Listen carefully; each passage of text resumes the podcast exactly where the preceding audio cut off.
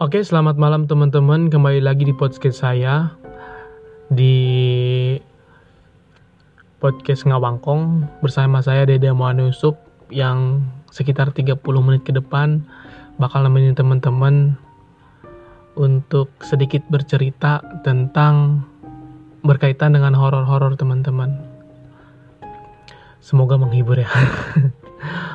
Oke, sebelumnya teman-teman uh, saya ini senang banget sama kegiatan alam, khususnya pendakian, uh, traveling, uh, pantai, pulau, ya jalan-jalan lah. Saya senang banget sama hal tersebut.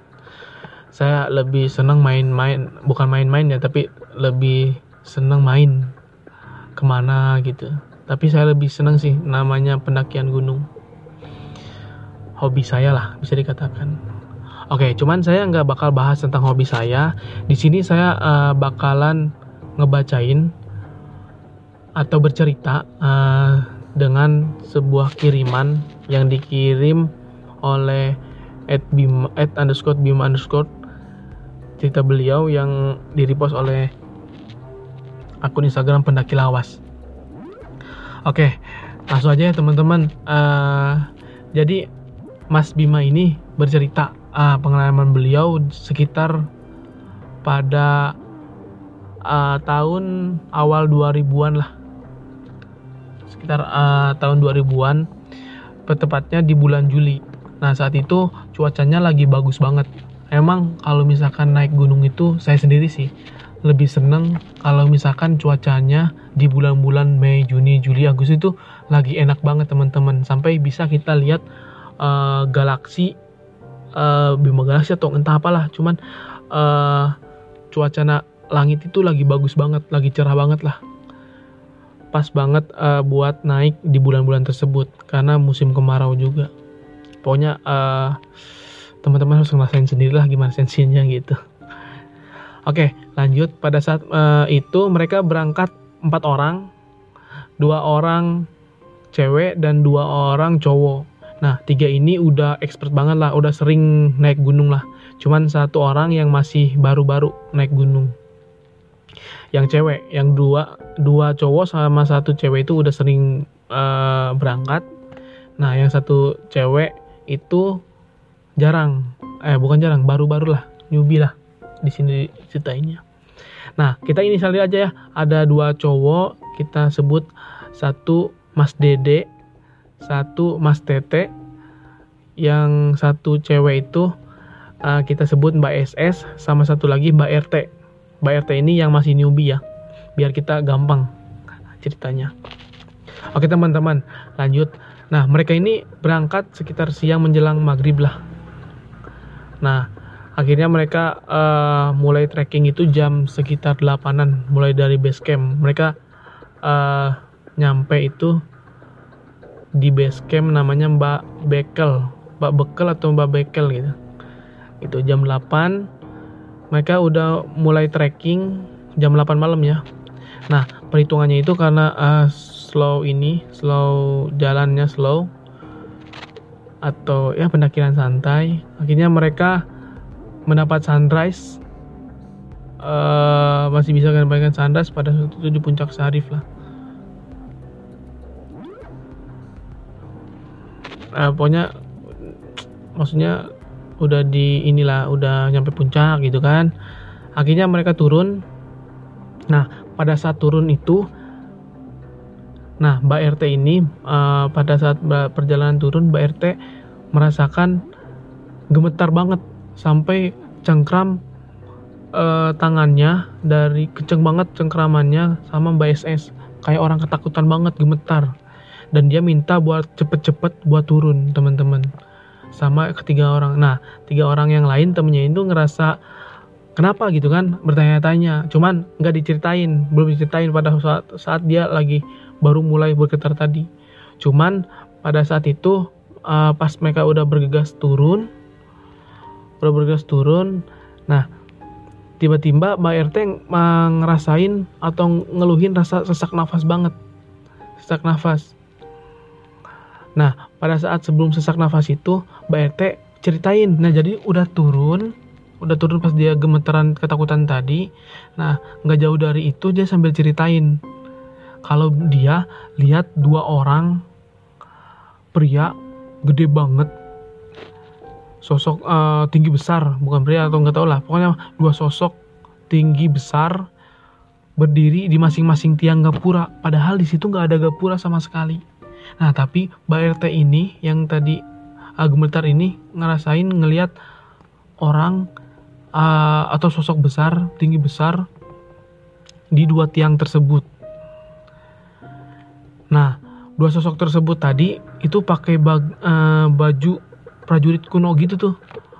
Kuno dengan tombak panjang di tangannya sama tatapan matanya tajam banget. Itu ya buat Mbak RT tadi ketakutan teman-teman. Akhirnya mereka turun. Nah pada saat uh, setelah cerita terus turun nggak jauh nah mereka ini tiba-tiba lihat Mbak RT sesak napas. Jadi Mbak RT, Mbak RT ini ngerasain uh, berat banget nafasnya sesak nafas lah.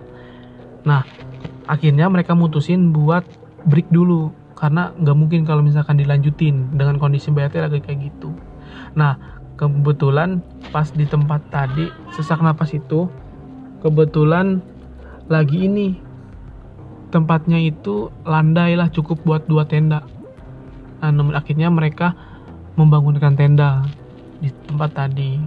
Pada saat itu kondisi Mbak RT bukan membaik tapi malah semakin memburuk pada saat itu. Akhirnya mereka bangun tenda dan siapin makan kayak gitu tuh nah setelah makan kan tidur cuman dua orang yang cowok tadi mbak tete sama eh mas tete sama mas dede itu dede bukan saya ya teman-teman.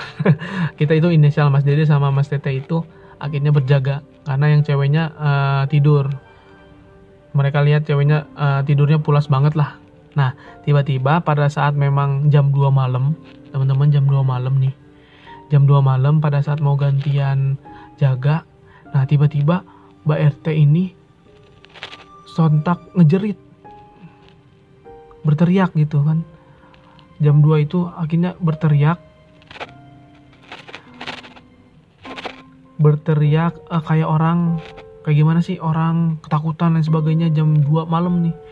Terus keluar tenda Mbak RT ini keluar tenda.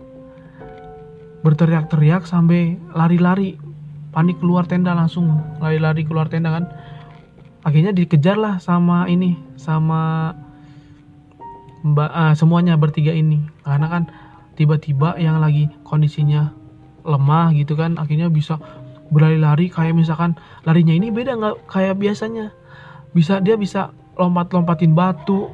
Karena kan di bawah tempat tadi ternyata ada kali ada kali yang lagi surut nggak ada nggak ada ini nggak ada airnya. Karena kan musim kemarau lagi pokoknya nggak tau lah lagi surut lah di situ. Nah cuman Mbak RT ini loncat-loncat ngelewatin batu tadi batu kali tadi. Terus uh, tiba-tiba dikejar nah ngilang aja di tempat yang gelap banget. Gelap banget dia masuk ke situ di posisi gelap banget sampai hilang. Nggak ada suaranya lah apa pun nggak ada. Akhirnya tiga orang ini kan panik. Pasti teman-teman. Panik dan nyari dari uh, ketiga orang ini nyari Mbak RT tadi. Nah terus pada saat udah dicari lama sekitar sejam sekitar sejam nyari-nyari Mbak RT tadi yang lari kabur teriak-teriak itu. Akhirnya nggak ada hasil apa pun hilang. Nihil banget nggak ada tanda-tanda gimana udah hilang aja. Nah tiba-tiba akhirnya mereka ngutus Mas Dede buat turun nyari bantuan. Jam itu malam hmm, keputusannya buat Mas Dede itu cari bantuan ke bawah. Nah pas mau turun ke bawah nyari bantuan Mas Dede ini tiba-tiba Mbak RT timbul dari yang tempat gelap tadi dengan wajah yang tenang banget. Tenang banget datar gitu kan. Datar kayak nggak terjadi apa-apa jadi yang tadinya lari-lari kejar-kejar akhirnya hilang dicari nggak ada. Eh tiba-tiba timbul lagi tempat gelap tadi dengan wadah datar banget. Kayak nggak ada terjadi apa-apa.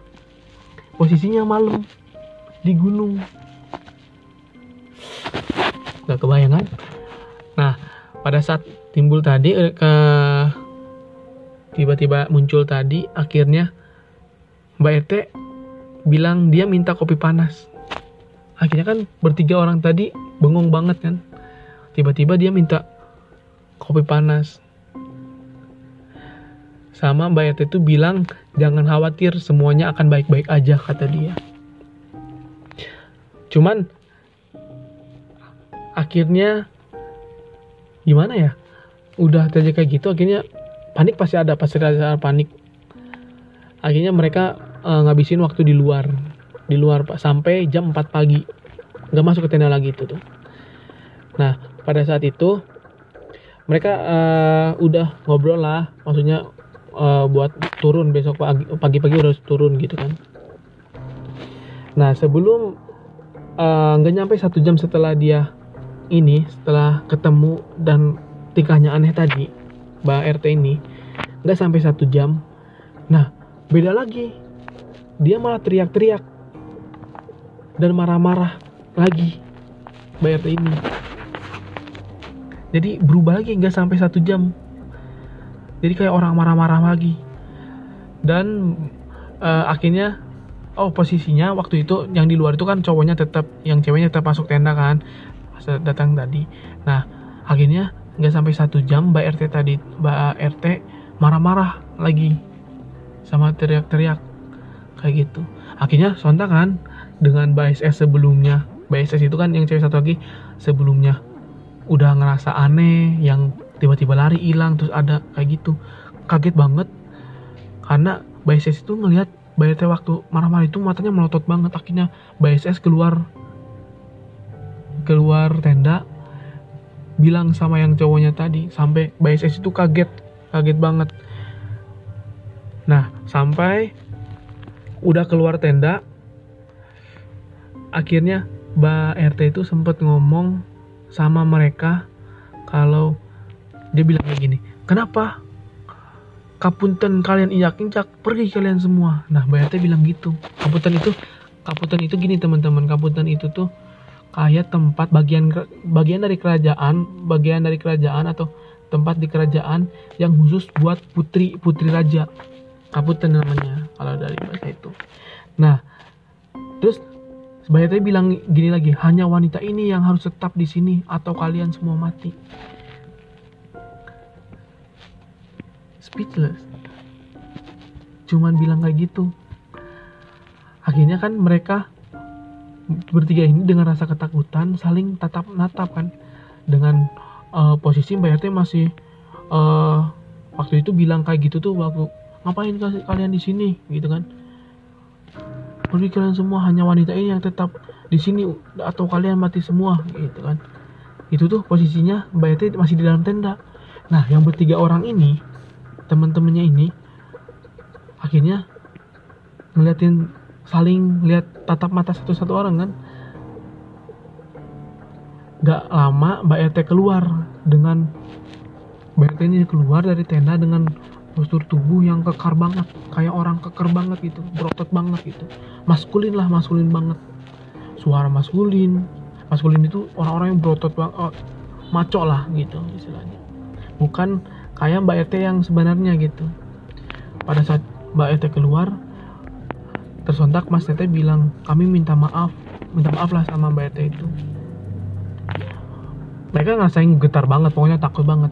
Nah karena di situ tuh pada saat mereka ngecamp itu gak ngerasa ada orang lewat enggak jadi sebenarnya mereka di bawah itu ngerasa banyak orang yang di camp tuh kan.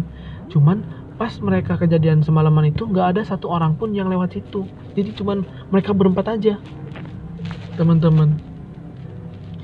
Akhirnya tiba-tiba uh, pada saat keluar minta maaf karena ketakutan BSS akhirnya pingsan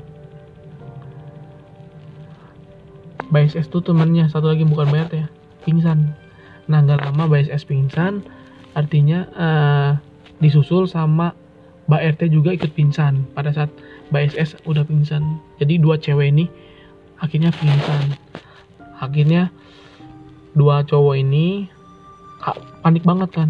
Harus kayak gimana? Apalagi kayak gitu ini kenapa lagi? Gitu kan dua cowok ini.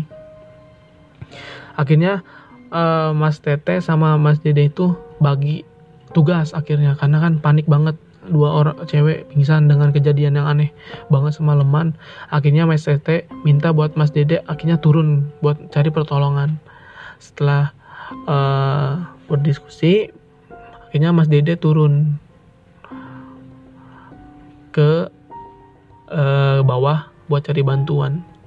Nah nggak lama uh, setelah Mas Dede turun itu Mbak SS akhirnya siuman terlebih dahulu karena pas dia siuman itu uh, dia mengeluh kakinya kram katanya.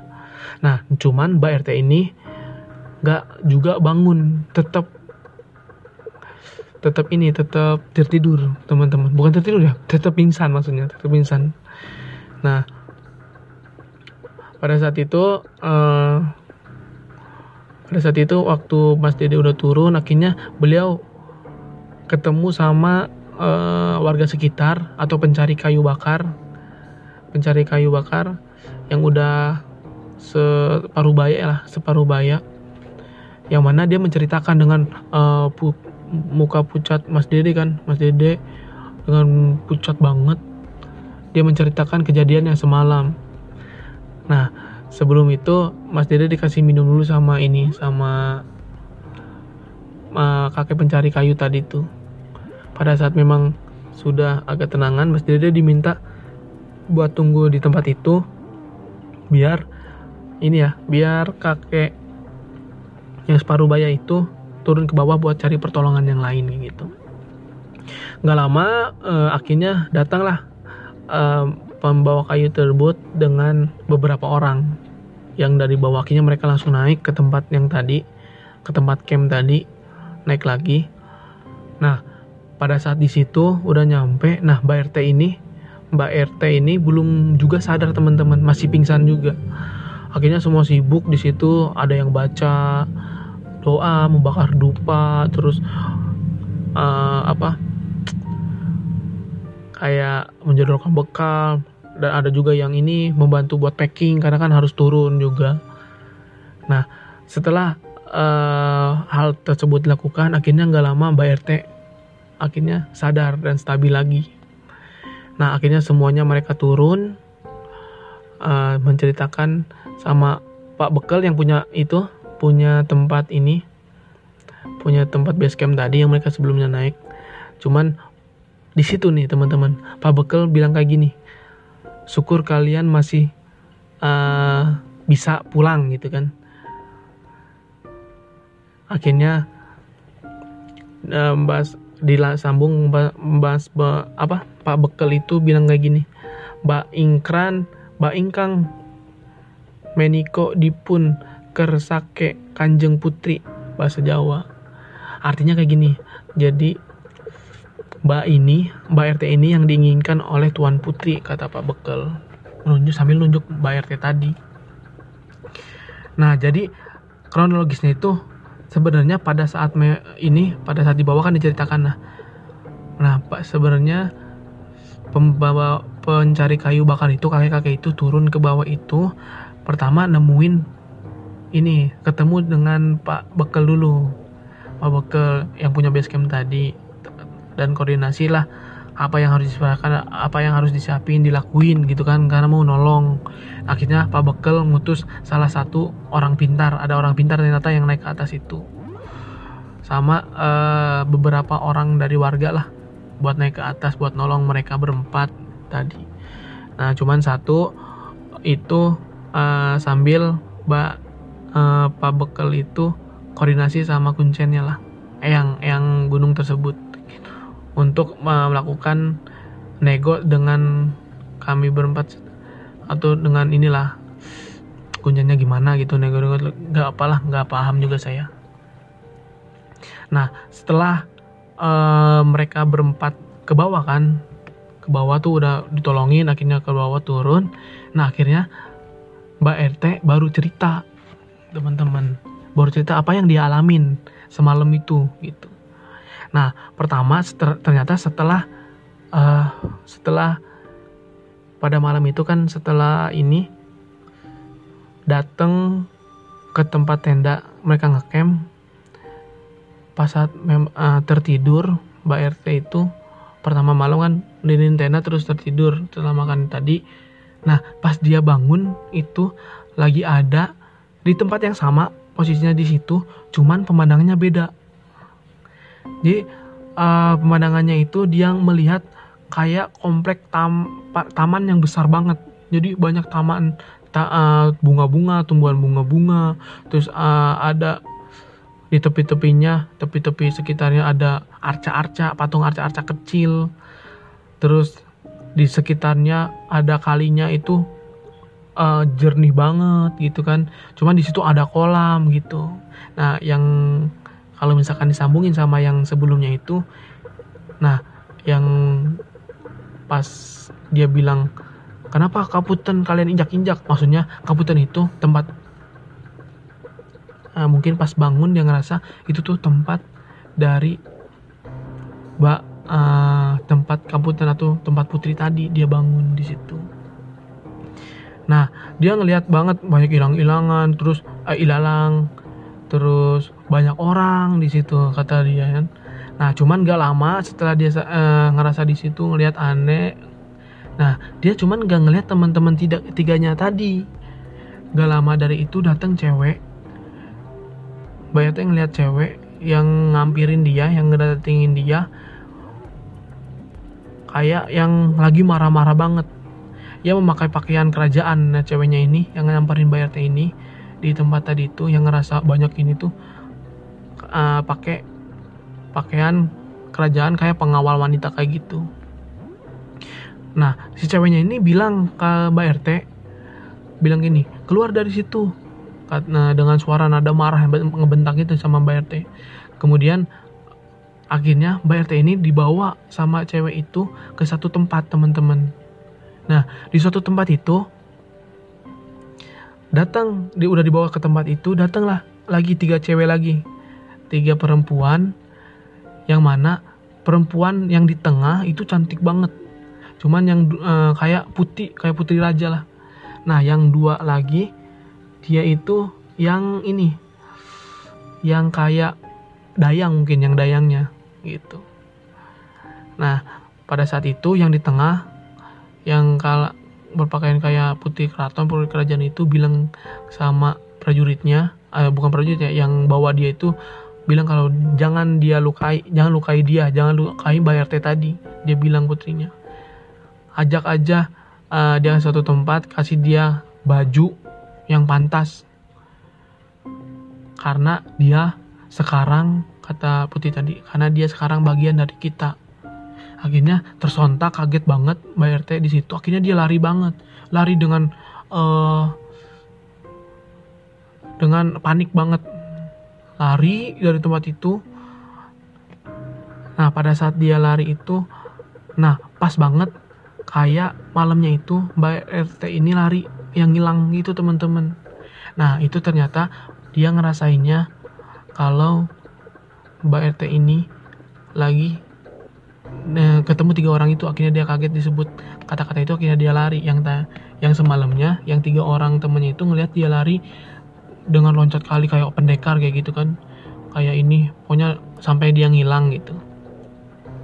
Nah pada saat itu pada saat itu akhirnya Mbak RT ini nemuin pada saat udah lari jauh masuk ke tempat-tempat apa gitu dia nggak tahu tempat gelap akhirnya dia nemuin satu tempat kayak gubuk gitu. Nah pada saat di gubuk itu dia lihat ini teman-teman. Dia lihat sosok uh, ini kakek-kakek di situ. Nah cuman Mbak RT ini pada saat lihat kakek kayak gitu ngerasa tenang banget teman-teman di gubuk itu. Nah, kakek itu bilang, sekarang kamu aman, kata Mbak Ete di gubuk itu. Dan semuanya akan selamat, kata kakek itu. Percayalah, katanya. Kemudian, uh, saya akan membantu kamu kembali ke teman-temanmu, kata kakek itu ke Mbak RT. Sekarang pejamkanlah matamu. Akhirnya Mbak RT ngerasa karena tenang, dia percaya, akhirnya dia menjamin mata pada saat dia menjamin mata nah ternyata uh, Pak RT itu tahu-tahu udah ini aja udah yang ketemu di tempat itu tuh. Tempat yang gelap itu kan tempat itu. Nah dilanjut teman-teman. Pada saat uh, setelah kejadian akhirnya kembali dari pas beres kubu ketemu kakeknya terus di, uh, dibantu kembali ketemu nah uh, dilanjut teman-teman. Dah dia ngerasa pada saat memang udah uh, di kakek yang di itu dia udah ngerasa uh, ada lagi di camp di bawah camp yang terus sebenarnya kayak sadar nggak sadar sih. Tapi dia ngerasa udah uh, di camp sama nggak lama kan Mbak RT itu malam itu kan tidur lagi tuh tidur yang kedua kali. Nah Mbak RT pada saat tidur lagi nggak lama kebangun lagi eh dia ngerasa di tempat yang sama lagi di, ta di tempat yang taman kayak gitu-gitu lagi teman-teman kedua kalinya. Nah cuman pada saatnya tersontak bangun lagi di tempat yang sama tempat yang dia asing uh, pemandangannya uh, banyak teman bunga-bunga terus arca dan sebagainya itu. Nah dia melihat langsung tersontak ada dua sosok besar dua sosok besar yang mana dipercaya uh, dia uh, bangun dia kaget dan dia pingsan akhirnya. Dia ngerasa pingsan di situ pas dia ngelihat sosok itu. Sosok dari dua itu.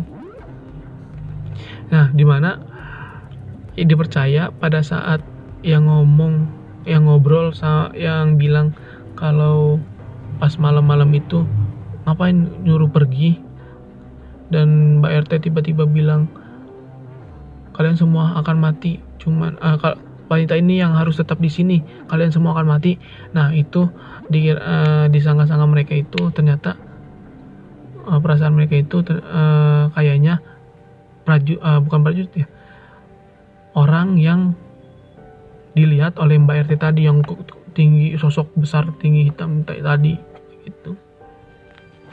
Nah terus pada saat di situ uh, sambil belum sadar juga uh, Mbak ini ngeliat sebelum uh, sebelum ini ya sebelum pingsan sempat sebelum sempat pingsan Mbak RT juga di tempat agak lain bukan tempat lain ya maksudnya pandangan lain dia juga ngelihat putri yang dia temuin di teng yang tengah itu yang kayak putri raja itu lagi ngobrol sama uh, orang dengan pakaian rapi pakaian modern lah kayak gitu pakaian gitu. Nah cuman akhirnya setelah ngelihat uh, pingsan ngelihat dua orang tadi yang gak karena ketakutan mungkin akhirnya dia nggak sadar lagi. Tahu-tahu dia udah siuman dan banyak orang yang temannya kayak gitu. Akhirnya pas dia sadar tadi yang dibantu oleh uh, warga dengan banyak ini banyak uh, doa-doa dan sebagainya lah teman-teman akhirnya mereka turun dan Mbak RT di situ ngerasa sangat jelas banget kayak gitu. Sangat kayak real kayak bukan kayak mimpi tapi kayak real banget kayak gitu teman-teman.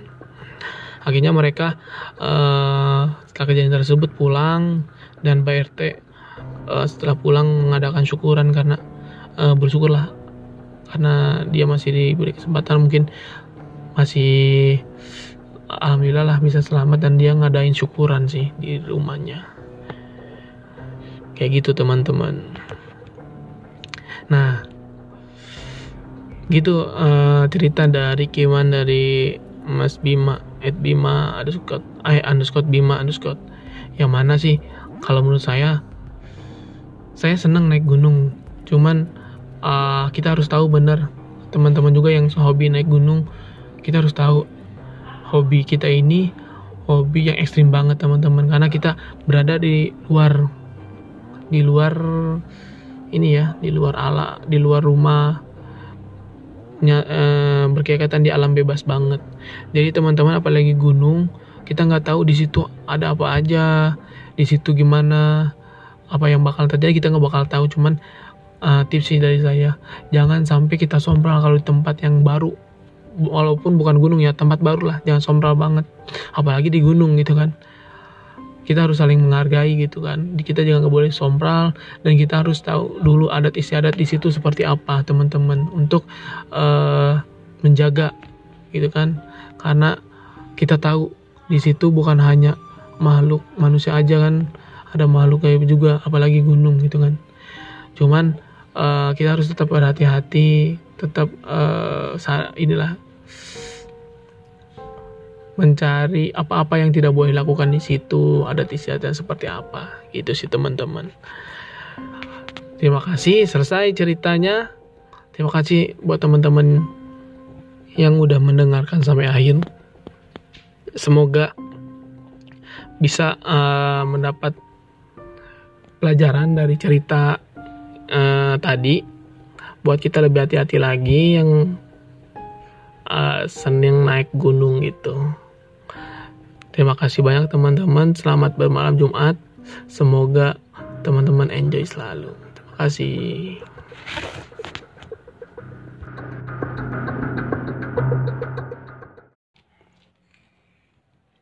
Oke, halo teman-teman, selamat uh, sore. Karena di sini lagi sore ya. Selamat uh, sore teman-teman. Kembali lagi di podcast saya yang pastinya teman-teman menunggu mungkin atau teman-teman yang kemarin nanyain kapan upload lagi akhirnya saya upload lagi di sini karena kemarin kena beberapa kesibukan jadi saya belum bisa upload. Tapi sekarang saya upload kembali teman-teman. Hadir buat ngisi uh, waktu kosong teman-teman untuk mendengarkan podcast saya. Di mana pun teman-teman berada. Oke teman-teman. Sore hari ini saya bakal ngebahas tentang satu tema di mana tema ini uh, berhubungan dengan dunia kampus, yaitu tentang organisasi teman-teman. Jadi apa sih organisasi? Ada apa sih di dalamnya gitu kan? Ada apa sih dengan dunia organisasi gitu? Kebetulan saya uh, hari ini bersama apa ya rekan saya, rekan seorang motivasi sebagai orang motivasi juga untuk saya Beliau ini eh dia ini berapa tingkat? Uh, agak jauh tingkatannya, lebih senior lah, lebih senior daripada saya. Langsung saja uh, beliau ini saya perkenalkan namanya Farhan Syafiq, Muhammad Farhan Syafiq. Beliau pernah menjabat uh, sebagai ketua himpunan di salah, salah satu jurusan dan beberapa organisasi juga. Beliau sudah uh, apa ya? Sudah inilah sudah ke sana kemari malang lintang di dunia organisasi. Dan hari ini juga beliau e, mempunyai organisasi juga bergelut di beberapa organisasi juga. Yang pastinya banyak pengalaman beliau yang bakal kita sharing-sharing hari ini sore ini. Semoga teman-teman enjoy. Langsung aja ya teman-teman. Ini Bang Farhan Syafiq. Halo teman-teman Bang Farhan Safik, uh, Bang, perkenalkan diri dulu Bang sebelumnya Bang, buat teman-teman pendengar podcast setia saya. Apa yang ngenalin diri ya? Ya, nama gue Farhan, nama lengkap Muhammad Farhan Safik, zodiaknya Gemini, golongan darah A, rambut gue pendek, nggak panjang, hitam, nggak berwarna, Hidung hitam warna bang, hitam warna hitam. Oh iya, maksudnya ini warna dasar orang Indonesia ya warna hitam. Hidung gua mancung. Ya nanti lo cari aja Instagram gua ya. Farhan.safik underscore. Speechless. Cuma gue lagi lagi diaktif Instagram sih lagi nggak main Instagram. Kenapa tuh bang? Uh, lagi rehat dulu lah, rehat sejenak dari Instagram. Karena gue ngerasa Instagram sekarang buat gue ya, buat gue pribadi kayak toxic gitu. Jadi gue ngehindarin dulu, ngehindarin Instagram dulu. Kenapa nggak usah dibuka aja gitu bang? Emang mengganggu atau gimana? Kayaknya kalau ada aplikasi Instagram di HP, pengennya ngebuka aja gitu bisa gitu kenapa? Itu kan uh, bawa maaf ya itu kan bawaan dari diri pribadi ya kalau kayak begitu. Itu karena terbiasa. Dulu kan waktu ada Instagram di HP paling buka Instagram WA Facebook Twitter itu itu lagi. Nah kalau kalau sekarang udah di uninstall kan udah diaktif jadi gak pernah buka lagi. Gitu.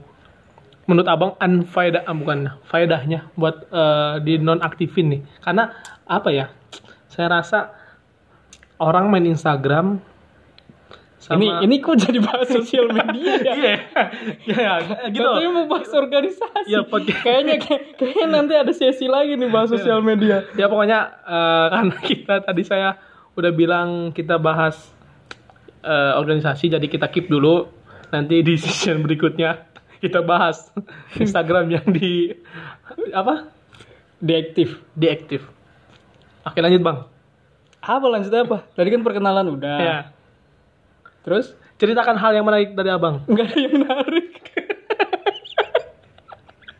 oh jangan gitu kalau misalkan ceritakan hal yang ini yang kebiasaan kebiasaan boleh kebiasaan Kebiasaan apa nih?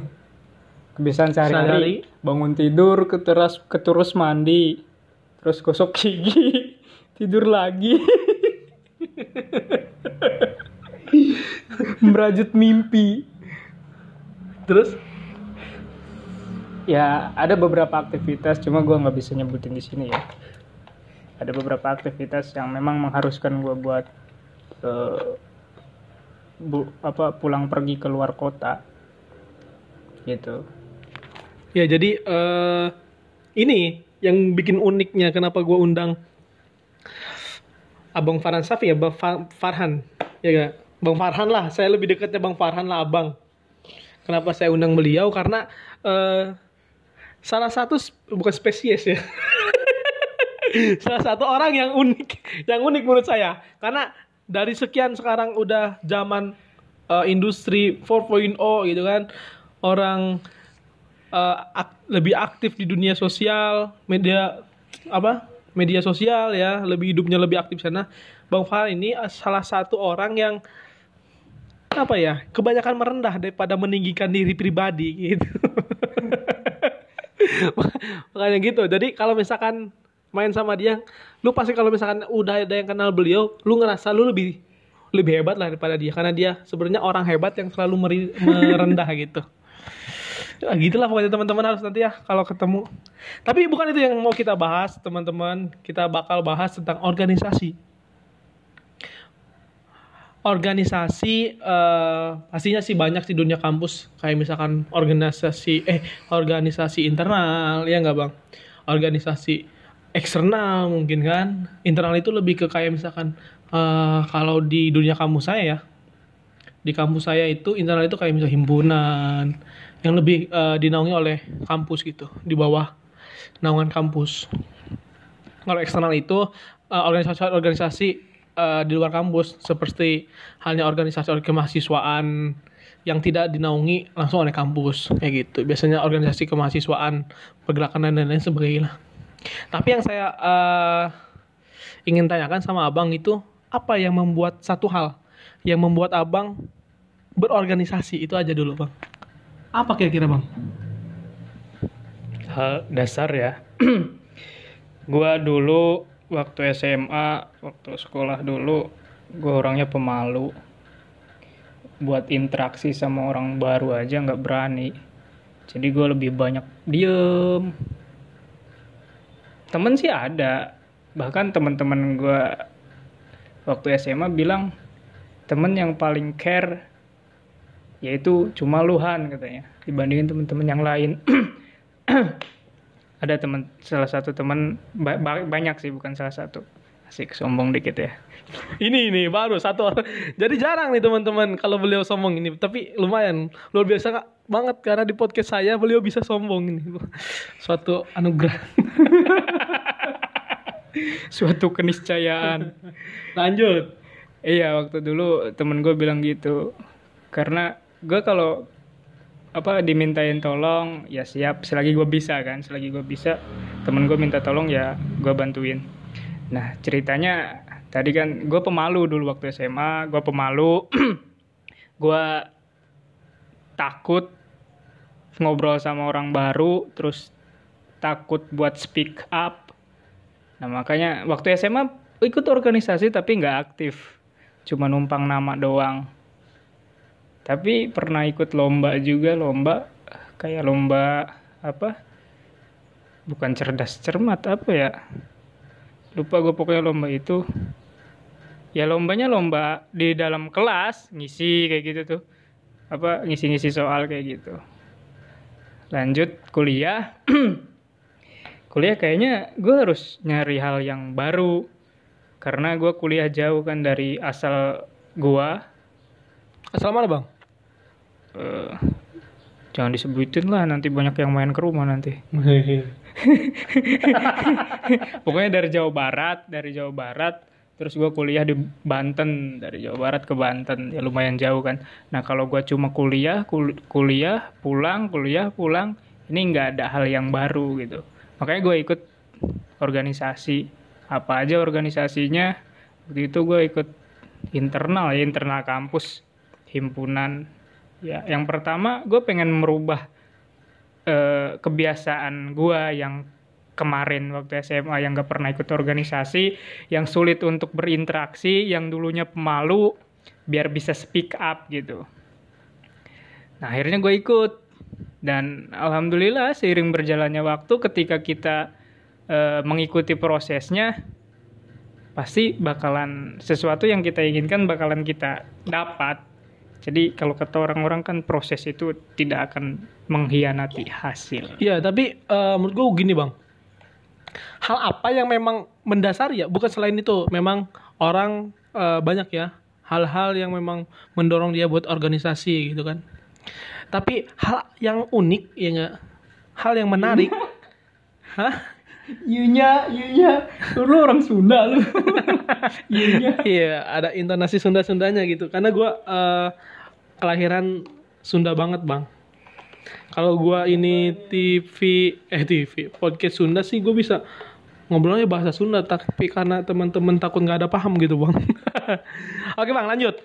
Nah, hal apa ya bang yang mendasari lu buat terus, eh, maksudnya ini jalan yang bener. Lu organisasi dan lu ngerasa ini bener, jalan lu tuh bener, lu berorganisasi gitu. Jadi lu tuh pada saat kan lu pasti dari maba nih kan masuk organisasi kan ya nggak? Lu bakal ngerasain kan dunia organisasi kayak gimana ya nggak? Dan lu bertahan sampai lu beres kuliah kan lu beres kuliah masih organisasi kan bang? Masih. Iya. Jadi sampai lulus kuliah masih organisasi, hal apa yang membuat lu ngerasa jalan organis lu berorganisasi kampus ini adalah jalan yang benar menurut lu yang harus lu lakuin? Karena organisasi itu dalam hal kecil juga kita nggak ikut organisasi sebetulnya diri kita juga berorganisasi. Asik. Ngerti nggak? Gak ngerti ya. Jadi gini, kita kan punya waktu sehari itu 24 jam ya. Nah, tidur 8 jam. Bahkan bisa lebih, bisa kurang. Itu kan artinya kita berorganisasi, memanage waktu. Memanage waktu kan kita berorganisasi. Nah, kenapa gua eh, masih ikut untuk masih tetap melanjutkan untuk berorganisasi sampai lulus bahkan sampai sekarang? Karena ilmu organisasi penting. Penting dipakai di mana pun. Gue pernah kerja di perusahaan pembangkit listrik dan di situ juga gue berorganisasi kayak rapat meeting kan meeting ya gue bahasanya iya meeting kayak gitu sama eh, manajer kan sama eh, general mana- manager sama kepala departemen. Semuanya kan itu kalau kita nggak punya ilmu organisasi bakalan kaget gitu. Itu suatu hal yang baru meeting-meeting kayak gitu. Nah kalau kita udah pernah ikut organisasi kan dulu waktu kuliah meeting meeting lagi meet, rapat lagi rapat lagi. Ya ini hal yang biasa gitu. Jadi bisa diatasi sama diri kita gitu bro Terus kalau misalkan gini bang, jadi kan gue baca eh history dulu ya, karena gue pema, eh, gue tuh pengamat sejati lah. Gue bi sendiri yang bilang gitu. Jadi gue baca kalau misalkan lu itu pernah eh, jadi ketua himpunan salah satu jurusan ya, dan sukses lah. Lu sukses jadi eh, ketua himpunan itu. Sebelum lu jadi eh, ketua himpunan itu, ya enggak, ketua himpunan itu, apa yang mendorong lu lantas lantas yang mendorong lu buat jadi pemimpin di suatu organisasi itu, Bang? Nah, itu unik kayaknya nih. yang mendorong gue ya? Sebetulnya waktu itu eh gue mau nggak mau sih jadi pemimpin di suatu organisasi. Tapi banyak yang minta banyak yang minta udah lu aja lu aja Berarti bukan dari lu sendiri dong. Hmm.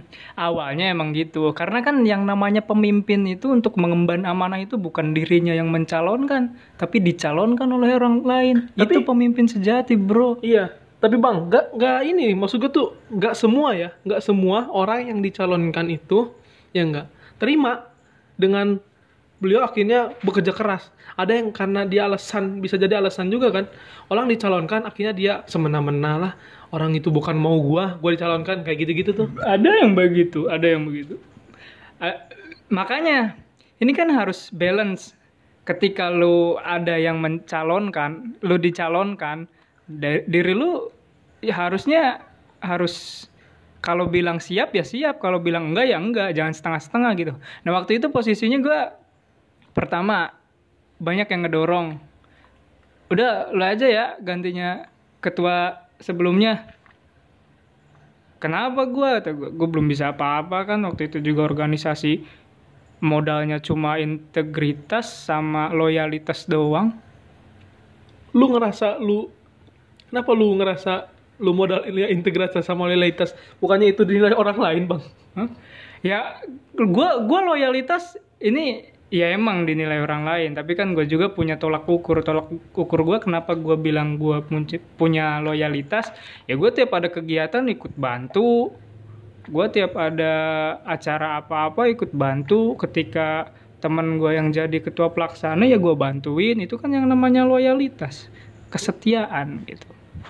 Nah kalau integritas ya integritas lu memiliki integritas lu jujur terus kalau ada apa-apa nggak dilebih-lebihin gitu bro Terus lan- lantas Bang, menurut lo nih ya, menurut lo yang sudah jadi ini ya, sudah jadi ketua himpunan ya.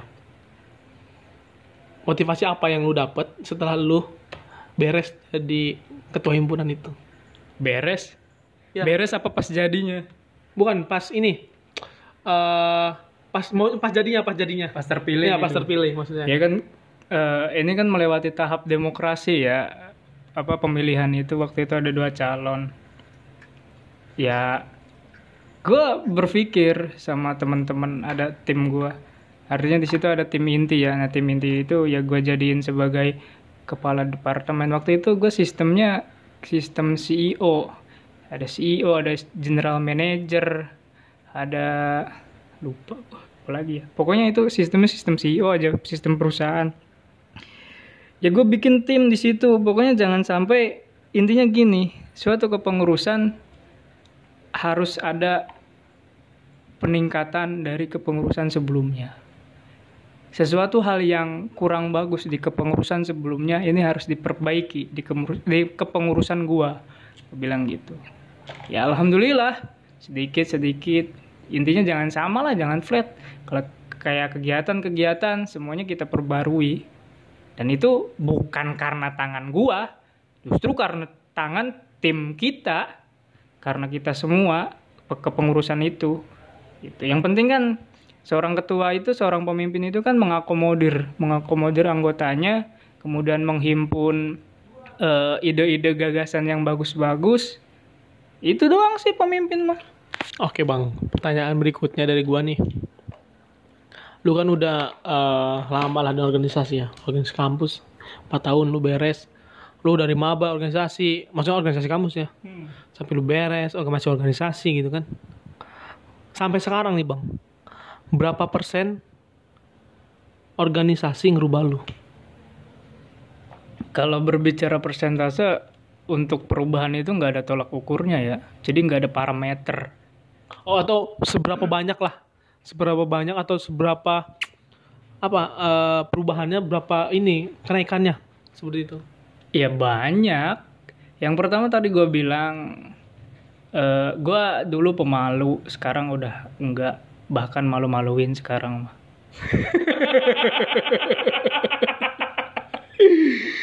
dulu nggak bisa ngomong depan banyak orang, sekarang alhamdulillah bisa sharing sama teman-teman mahasiswa baru bisa sharing sama teman-teman adik-adik mahasiswa bisa sharing sama teman-teman angkatan bahkan kemarin sempat diundang juga jadi, jadi apa eh, pengisi acara teman-teman anak SMA kan pernah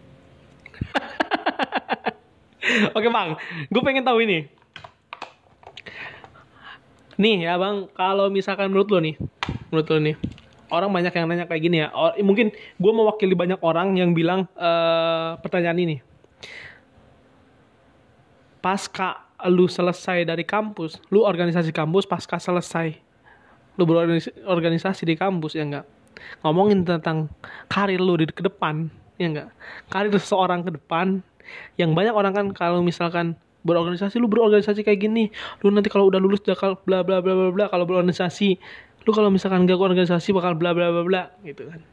Apakah benar banyak orang yang bilang kalau organisasi ya enggak membuat lu lebih apa ya namanya lebih apa bang?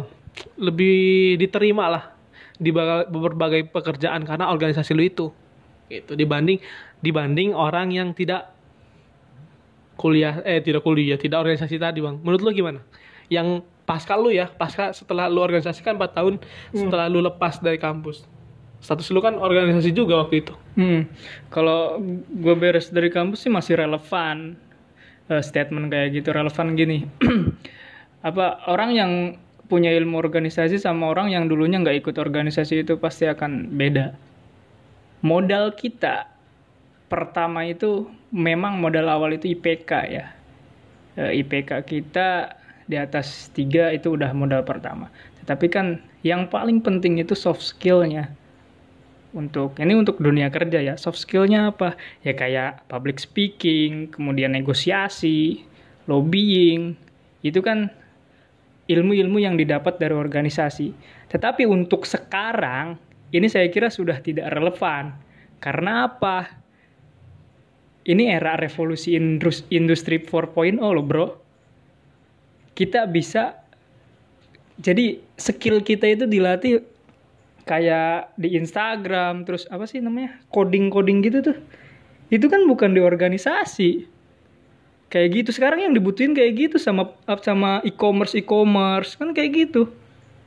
Gitu bro. Cuma ya memang ada pembeda juga. Ada pembeda ketika orang yang gak ikut organisasi sama yang ikut organisasi ada pembeda pasti eh, gue sering interaksi sama orang yang dulunya ikut organisasi ya. Kayak misalkan orang-orang yang pejabat-pejabat atau orang-orang yang uh, apa kayak direksi-direksi gitu pernah interaksi. Ya gue tanya-tanya dulu dia ikut organisasi enggak ikut organisasi. Pantesan asik diajak ngobrol. Beda dengan orang yang gak ikut organisasi ngobrol flat terus nggak ada hahaha ya gitu. Bentar lu kan tadi bilang kalau misalkan sekarang uh, era apa ya evolusi industri 4.0 ya bahkan kita lebih mendekati dari lebih dari itu ya hmm. sekarang. Orang lebih uh, banyak menggunakan internet yang orang sukses udah banyak banget kasusnya yang sukses di internet. Sedangkan kan apa korelasinya spesialnya sekarang berarti berorganisasi di kampus jika dia mengharapkan cuman kayak public speaking dan sebagainya gitu kan. Sedangkan di dunia internet menurut gua uh, tidak terlalu efektif atau efisien menurut gua kalau misalkan dengan korelasi sekarang ya. Lu sendiri yang bilang begitu tadi. Gimana nam? Apa spesialnya bang? Spesialnya yang pertama yang masih relevan sampai saat ini ketika lo ikut organisasi relasi ya relasi lu di organisasi itu misalkan lu ikutin organisasi A. Nah di organisasi di organisasi A itu banyak orang-orang yang sekarang udah jadi pejabat-pejabat atau udah jadi pengusaha-pengusaha sukses. Ketika lu masuk organisasi A akses untuk ke pejabat-pejabat itu juga lebih mudah. Itu yang pertama. Lebih ini ya untuk yang ikut organisasi tapi ada juga orang-orang yang sukses, tapi dia nggak ikut organisasi. Bahkan, ini saya pernah baca ya, gue pernah baca, bahkan dia kuliah pun lebih pilih untuk keluar. Dia kuliah di salah satu universitas eh, yang bisnis-bisnis gitu yang terkenal. Kenapa dia keluar? Ya dia lebih memilih bisnis. Bisnisnya apa? Bisnisnya dari itu Instagram, terus Facebook Ads, Instagram Ads. Itu dia dia dia dia ngebangun dari situ. Dia ikut organisasi enggak. Dia geluti itu, tekunin itu sampai dia kebeli kemarin kebeli gue pernah baca dia kebeli Ferrari ya Ferrari Ya benar. Sebelum ngejauh ngekejauh ya bang. Ini nih orang yang ikut organisasi banyak, ya enggak? Satu organisasi atau angkatan bisa berapa? Misalkan organisasi A mempunyai eh, anggotanya banyak banget 100, misalkan 400 atau berapa, misalkan banyak lah ya enggak. Cuman hanya biasanya hanya segelintir orang yang akhirnya ter apa ya tersaring terisolasi yang benar-benar yang benar-benar eh, jiwa organisasinya atau misalkan semangat organisasinya tinggi gitu kan nggak semua loh gua rasa eh, ada orang yang memang organisasi hanya sekedar organisasi atau dia organisasi benar-benar berorganisasi? Begitu. Maksud saya apa? Maksud gua gini bang. Lantas apa gunanya orang orang yang apakah masih ada berpengaruhnya buat orang yang organisasinya hanya sekedar berorganisasi?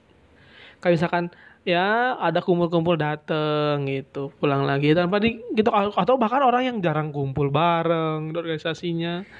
Begitu kesuksesan itu dicapai ketika dia benar-benar mengikuti proses ya. Misalkan etosnya etos kerjanya bagus kalau orang yang hanya sekedar datang kemudian pergi dan menghilang gue udah kayak bahasa-bahasa pujangga ya. Datang terus singgah lalu pergi akhirnya menghilang. Itu buat apa bro? Yang kayak gitu bro. Ngabisin waktu sebetulnya tidak bisa disalahkan juga ya.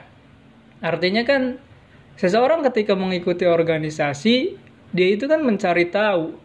Dia itu kan eh, ingin tahu gitu, apa sih yang dia tawarkan, yang organisasi tawarkan untuk dia. Nah, ketika dia tidak menemukan expect-nya, akhirnya dia akan mundur perlahan. Lebih baik mundur perlahan apa lebih baik mundur langsung lari? Ya itu kan hak hak dia gitu, sah-sah saja kan. berarti organisasi bukan penentu pembentukan diri dia Oh iya, ini menurut eh, hemat saya ya, menurut hemat saya seperti itu. Kan tadi saya bilang etosnya, kalau etos berorganisasi dia kuat, ya saya kira apa yang diharapkan di organisasi itu juga akan dia dapat. berarti organisasi udah jadi kayak semacam fashion Bukan apa fashion, apa passion, fashion bukan passion. Apa ya? Ini kan namanya organisasi itu kan wadah. Wadah untuk eh, sekumpulan orang-orang, dua orang atau lebih kan untuk mencapai suatu tujuan. Itu kan definisi organisasi secara harfiah. Tapi kan maksud gue tuh gini bang, orang yang kayak misalkan datang ke kampus, ya nggak orang baru di kampus ya nggak sama organisasi kan kebanyakan berapa persen itu kan awam organisasi kampusnya. Dia masuk dulu coba-coba kan, pasti coba-coba. Kalau dia nggak cocok, berarti dia Cabut. cabut kan ya nggak. Berarti kalau misalkan dia cocok ya nggak, dia bakal terus menimbulkan etos etos yang memang tinggi kan. Hmm. Berarti bisa dikatakan berorganisasi itu sebagian dari passion juga. Enggak sih, bukan passion. Kalau passion kan eh apa yang dia senangi, kemudian dia kerjakan dan dia nyaman. Apa bedanya sama organisasi yang tadi? Yang orang datang nggak eh, orang senang, iya nggak? Orang senang terus etos tinggi ya nggak? Dan dia nyaman. Kan etos itu eh, menurut gue etos itu yang ini ya. Etos tinggi itu karena dia nyaman di situ. Ada sebagian kayak gitu mungkin. Kalau misalkan dia eh, dia nggak suka sama berorganisasi, dia bakal cabut sendiri kan. Berarti bukan passion dia. Ya itu lo harus nanya sama orang-orang yang kabur dari organisasi itu. Oke, iya. Nanti kita banyak faktor kenapa orang itu cabut dari organisasi. Yang pertama expect dia nggak sampai ya. Dia menginginkan ini di organisasi Mungkin speknya lebih tinggi. hmm, expect expect ya harapan dia. Harapan. Eh, iya dia pengen di organisasi ini apa yang dia cari ya dia dapat. Ternyata nggak ada. Oke dia mundur perlahan. Yang pertama itu. Yang kedua ketika dia cabut dari organisasi itu expect dia ada harapan dia ada dan apa yang dia inginkan juga didapat. Tetapi di dalam organisasi dia ketemu dengan namanya konflik. Akhirnya dia keluar juga kan itu yang namanya eh, Oh, berarti di situlah comfort ya di- comfortable. Berarti- itu kenyamanan di situlah eh, letak pembelajarannya kali ya. Oh iya sebetulnya eh, itu itu yang itu yang dinamakan belajar di organisasi itu ya kayak gitu. Kita menghadapi eh, konflik kita menghadapi sesuatu yang ya pokoknya yang rumit rumit yang complicated itu yang ya biasanya kita nggak temuin. Iya, kita harus selesaikan di situ. Jangan malah mundur perlahan. Harusnya kan kayak gitu. Justru bagusnya gini, ketika kamu tidak menemukan expect di organisasi, ya besarkan organisasi itu. Ap, iya betul. Iya. Harusnya kayak gitu. Harusnya kayak gitu. Lu lu misalkan pengen ngadain diskusi eh, ngaji eh, kitab Ungkudul Jen misalkan di organisasi itu. Tetapi di organisasi itu nggak ada kitab Ungkudul Jen itu. Bukan malahnya bukan malah cabut, justru lu harus ciptakan itu buat ada kajian kitab Ungkudul Jen itu. Satu pertanyaan terakhir, Bang. Hmm. Satu pertanyaan terakhir buat teman-teman organisasi yang masih berorganisasi ya. Kita menyesuaikan organisasinya atau organisasinya organisasinya yang menyesuaikan kita. Organisasi itu bukan makhluk hidup, Bro. Gimana ceritanya organisasi itu mau menyesuaikan kita? Soalnya banyak kejadian kayak gini, Bang. Kitanya nggak suka kayak gitu, akhirnya eh, pola si organisasi yang dirubah menyesuaikan si individu ini. Ya ini orang-orang di dalam organisasi itu harusnya belajar perilaku organisasi buat mengenal eh, anggota-anggotanya, buat mengenal pengurus-pengurus yang lain, buat mengenal peserta-pesertanya. Itu harus belajar perilaku organisasi. Satu kepala beda dengan ke- kepala yang lain. Ini kan pemikiran juga beda-beda. Ya harusnya ya harusnya diakomodir semua, apalagi sebagai pimpinan. Bahkan pimpinan itu wajib mengenal satu persatu pesertanya, satu persatu anggotanya itu wajib. Berarti eh, yang lebih tepatnya itu setiap individu anggotanya yang mengenal eh mengenal menyesuaikan sama organisasinya. Iya nggak sih lebih tepatnya? Karena kalau kita menyesuaikan organisasi yang menyesuaikan atau pimpinan organisasi, kan organisasi itu kan eh nakodanya kan si pemimpin nih, ya nggak? Berarti lebih tepatnya itu kalau misalkan si setiap individu, setiap anggotanya yang menyesuaikan dari organisasinya, itu kan lebih tepatnya. Karena kalau misalkan eh, menyesuaikan organisasinya itu kan semua bakal satu sama rata.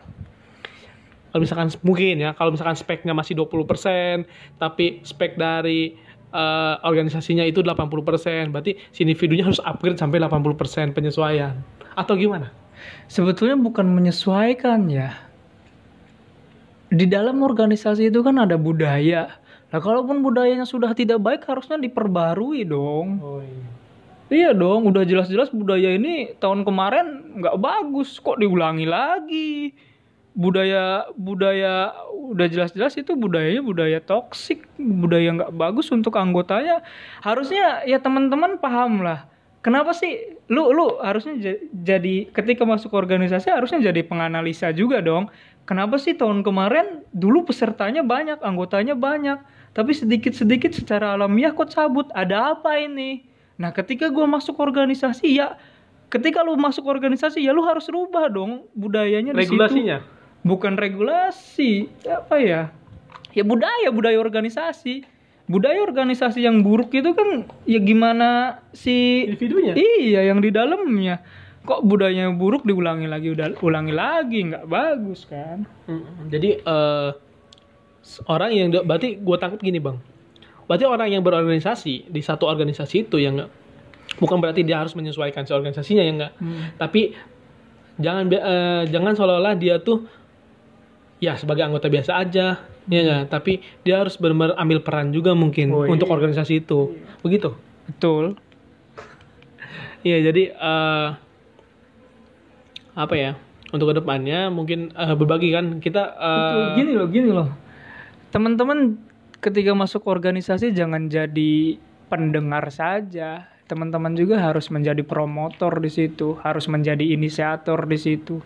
Yang dirasa nggak bagus dan yang dirasa lu harus perbaiki ya lu bilang dong. Jangan diem aja malah lu cabut nggak bagus kayak gitu. Justru yang yang lu rasa, oh ini nggak baik nih. Kenapa kita nggak bikin ini aja? Itu kan hal yang positif. Apa salahnya kan? Berarti perubahan yang tadi perubahan besar dimulai dari perubahan diri sendiri dulu. ya? Betul, betul. Ada eh, seorang filsuf Yunani bilang gini, Gimana tuh? lu jangan punya cita-cita besar untuk membangun negara, sedangkan provinsi lu aja belum lu bangun. Lu jangan punya cita-cita besar membangun provinsi lu, sedangkan kabupaten lu aja belum dibangun. Lu jangan punya cita-cita besar untuk membangun kabupaten lu atau kota lu, sedangkan di kecamatan aja lu nggak bisa sumbang siapa apa. Lu jangan punya cita-cita besar untuk membangun kecamatan lu, sedangkan di desa lu aja nggak bisa lu bangun. Lu jangan punya cita-cita besar untuk membangun desa lu, sedangkan di keluarga lu aja belum ada perubahan apa-apa. Lu jangan mau, lu jangan punya cita-cita besar untuk membangun keluarga lu, sedangkan dalam diri lu aja nggak bisa lu rubah. Mantap. Gitu. Oke, makasih Bang. Eh, jadi tadi kesimpulannya buat teman-teman yang eh, lagi berorganisasi, mungkin ada jenuh-jenuhnya ya wajar. Gue pernah ngerasain juga organisasi di kampus jenuh, males dan sebagainya. Itu kembali lagi lu niat organisasi lu buat apa gitu. Ada orang eh, tujuan organisasinya beda-beda. Jadi kembali lagi sama diri lu, apa tujuan lu organisasi ngerubah diri lu kan atau tujuan-tujuan yang lain, maksud-maksud yang lain gitu kan. Tapi gua harap eh, lu berorganisasi di kampus, kesempatan lu eh, di situ dimulai untuk mengembangkan diri lu, soft skill lu karena banyak banget hal-hal yang bisa lu lakuin di organisasi. Karena kalau misalkan lu hanya eh, menurut gua ya, kalau misalkan lu hanya manfaatin di ruang kelas aja, mungkin eh, soft skill lu, mungkin banyak eh, orang banyak juga sukses karena itu, cuman masih banyak kesempatan soft skill lu bisa digali di luar dari jam kuliah itu juga. Begitu bang, oke. Oke. Bang Farhan, makasih udah hadir di podcast gua. Sama-sama, sama-sama. Oke, jangan kapok bang, datang-datang ke sini lagi. Nanti datang juga ke podcast gue ya. Gua Oke, siap. Siap, siap, siap. Oke, terima kasih buat teman-teman. Eh, terima kasih udah dengerin sampai habis. Semoga teman-teman sukses terus. Saya doakan ke depannya semakin sukses dan tetap enjoy pastinya. Oke, selamat beraktivitas kembali. Oke, halo teman-teman, selamat eh, sore. Karena di sini lagi sore ya. Selamat eh, sore teman-teman. Kembali lagi di podcast saya yang pastinya teman-teman menunggu mungkin atau teman-teman yang kemarin nanyain kapan upload lagi akhirnya saya upload lagi di sini karena kemarin kena beberapa kesibukan jadi saya belum bisa upload tapi sekarang saya upload kembali teman-teman hadir buat ngisi eh, waktu kosong teman-teman untuk mendengarkan podcast saya di mana pun teman-teman berada Oke, teman-teman, sore hari ini saya bakal ngebahas tentang satu tema, di mana tema ini eh, berhubungan dengan dunia kampus, yaitu tentang organisasi, teman-teman. Jadi, apa sih organisasi? Ada apa sih di dalamnya, gitu kan? Ada apa sih dengan dunia organisasi, gitu. Kebetulan saya eh, hari ini bersama apa ya rekan saya rekan seorang motivasi sebagai orang motivasi juga untuk saya. Beliau ini eh dia ini berapa tingkat Eh, agak jauh tingkatannya, lebih senior lah, lebih senior daripada saya. Langsung saja eh, beliau ini saya perkenalkan namanya Farhan Syafiq, Muhammad Farhan Syafiq. Beliau pernah menjabat eh, sebagai ketua himpunan di salah, salah satu jurusan dan beberapa organisasi juga. Beliau sudah mela- eh, apa ya? Sudah inilah, sudah ke sana kemari melalang lintang di dunia organisasi dan hari ini juga beliau eh, mempunyai organisasi juga, bergelut di beberapa organisasi juga yang pastinya banyak pengalaman beliau yang bakal kita sharing-sharing hari ini, sore ini. Semoga teman-teman enjoy. Langsung aja ya, teman-teman. Ini Bang Farhan Syafiq. Halo teman-teman. Bang Farhan Syafiq, eh, Bang, perkenalkan diri dulu Bang sebelumnya Bang buat teman-teman pendengar podcast setia saya. Apa yang kenalin diri ya? Ya, nama gue Farhan. Nama lengkap Muhammad Farhan Syafiq. Zodiaknya Gemini.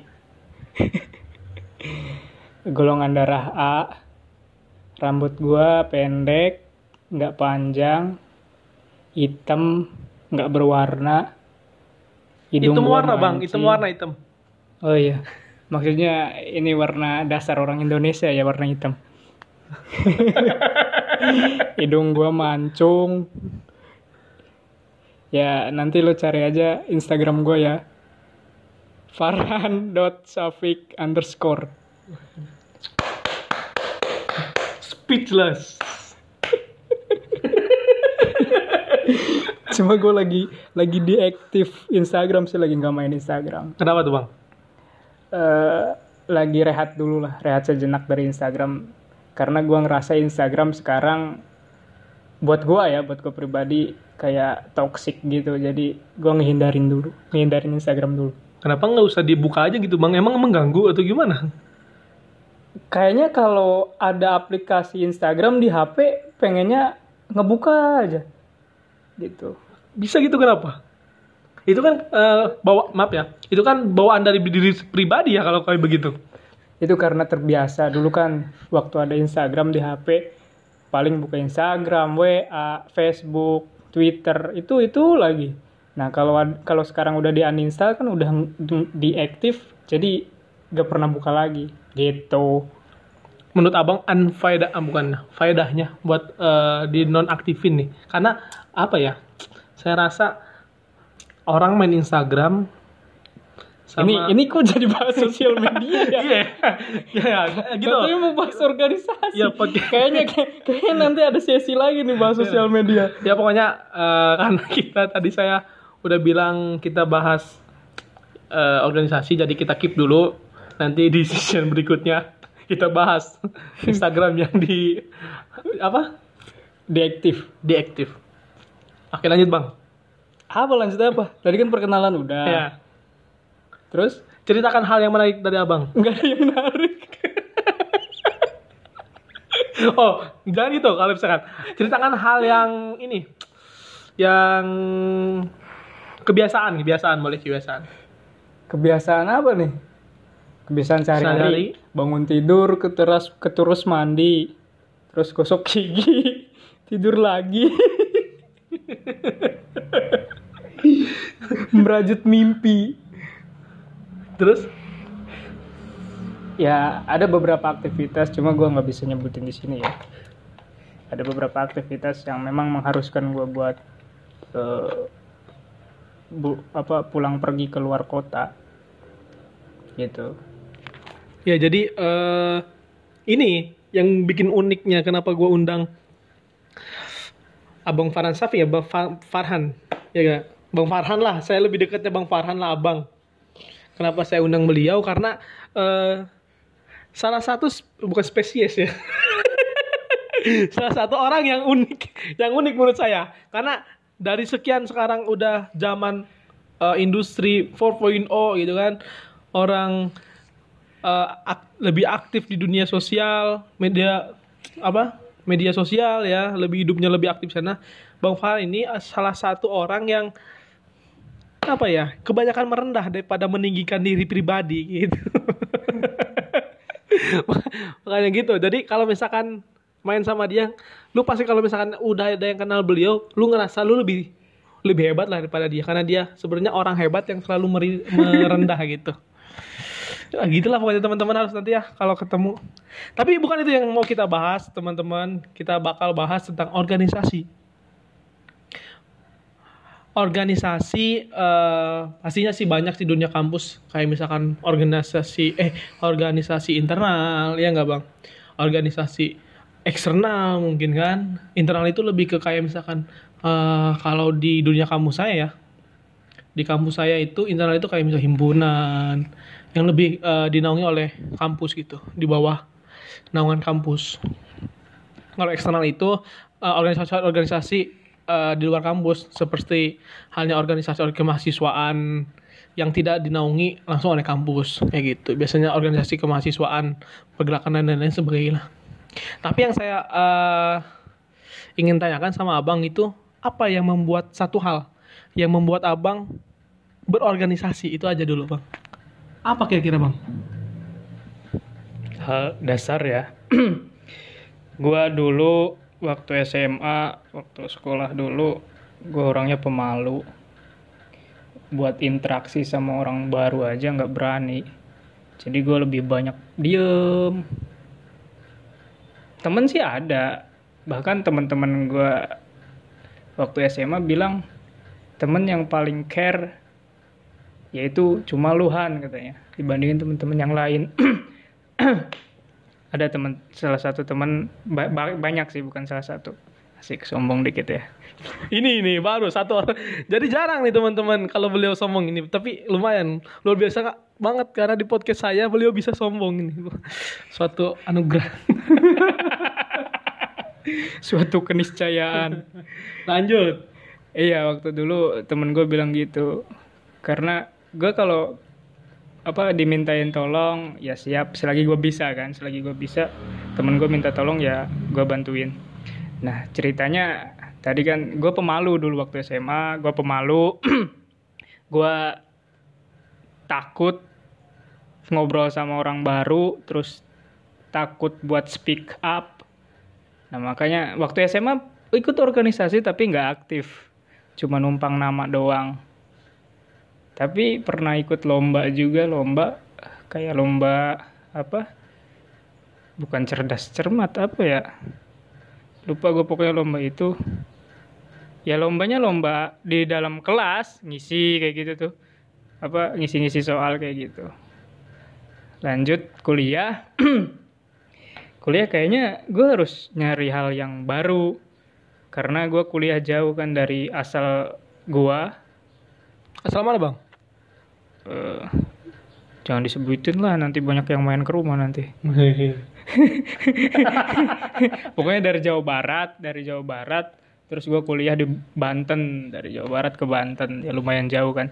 Nah kalau gue cuma kuliah kul- kuliah pulang kuliah pulang ini nggak ada hal yang baru gitu.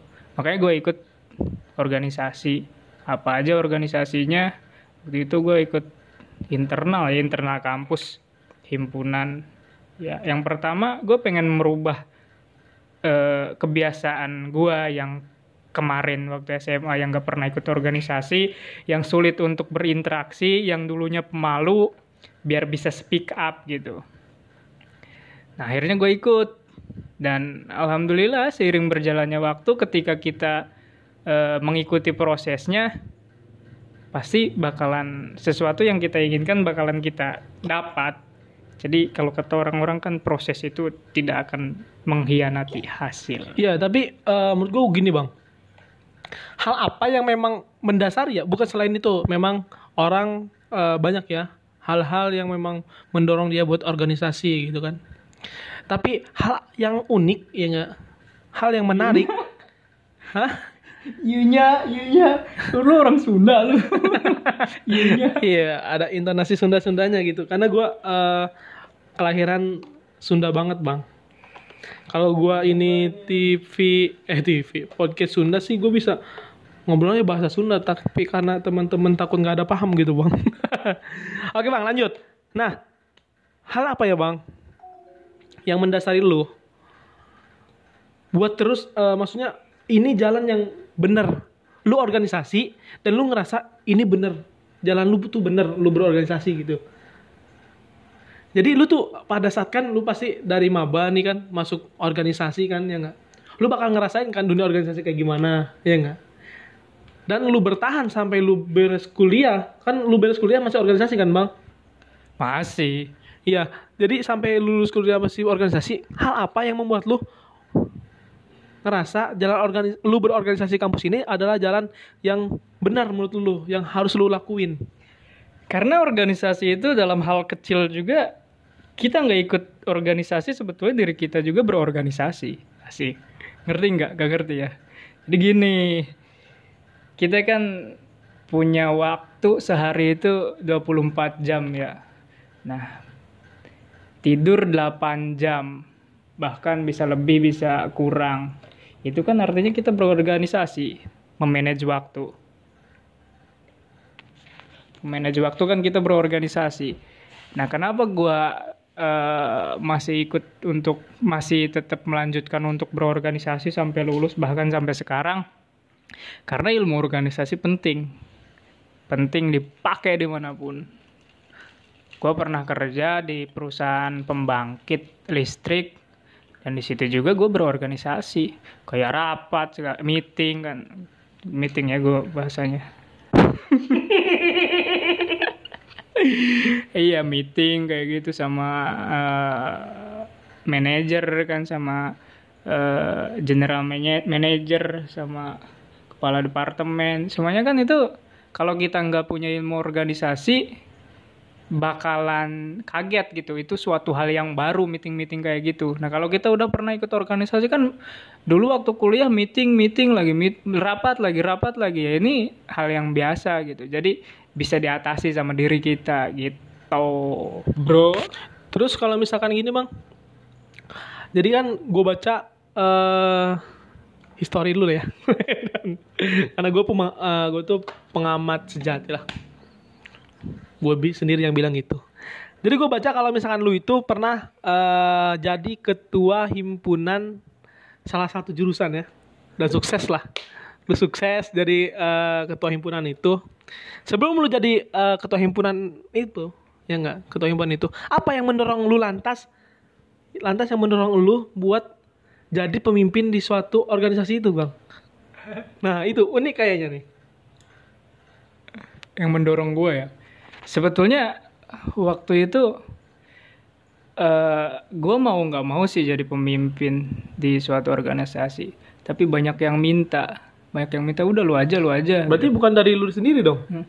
Awalnya emang gitu, karena kan yang namanya pemimpin itu untuk mengemban amanah itu bukan dirinya yang mencalonkan, tapi dicalonkan oleh orang lain. Tapi- itu pemimpin sejati, bro. Iya, tapi Bang, nggak nggak ini, maksud gue tuh nggak semua ya, nggak semua orang yang dicalonkan itu ya nggak terima dengan beliau akhirnya bekerja keras. Ada yang karena dia alasan bisa jadi alasan juga kan, orang dicalonkan akhirnya dia semena-mena lah.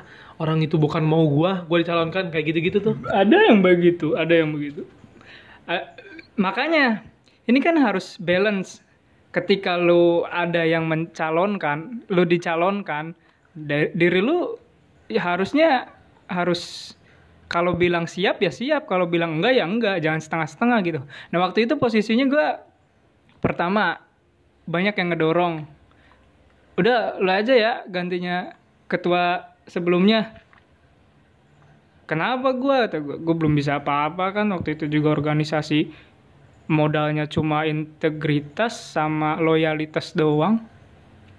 Lu ngerasa lu kenapa lu ngerasa lu modal ini integritas sama loyalitas. Bukannya itu dinilai orang lain, Bang? Hah? ya gue gua loyalitas ini ya emang dinilai orang lain. Tapi kan gue juga punya tolak ukur. Tolak ukur gue kenapa gue bilang gue punya loyalitas? Ya gue tiap ada kegiatan ikut bantu. Gue tiap ada acara apa-apa ikut bantu. Ketika teman gue yang jadi ketua pelaksana ya gue bantuin. Itu kan yang namanya loyalitas. Kesetiaan gitu nah kalau integritas ya integritas lu memiliki integritas lu jujur terus kalau ada apa-apa nggak dilebih-lebihin gitu bro Terus lan- lantas Bang, menurut lo nih ya, menurut lo yang sudah jadi ini ya, sudah jadi ketua himpunan ya. Motivasi apa yang lu dapat setelah lu beres jadi ketua himpunan itu? beres Ya. beres apa pas jadinya Bukan pas ini.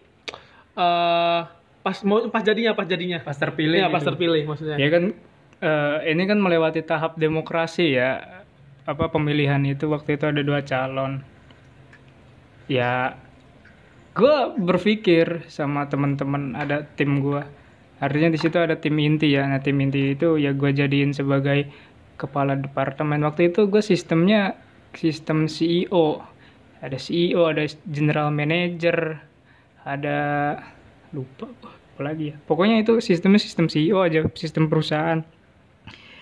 Ya gue bikin tim di situ pokoknya jangan sampai intinya gini suatu kepengurusan harus ada peningkatan dari kepengurusan sebelumnya. Sesuatu hal yang kurang bagus di kepengurusan sebelumnya ini harus diperbaiki di, di kepengurusan gua bilang gitu ya alhamdulillah. Sedikit sedikit.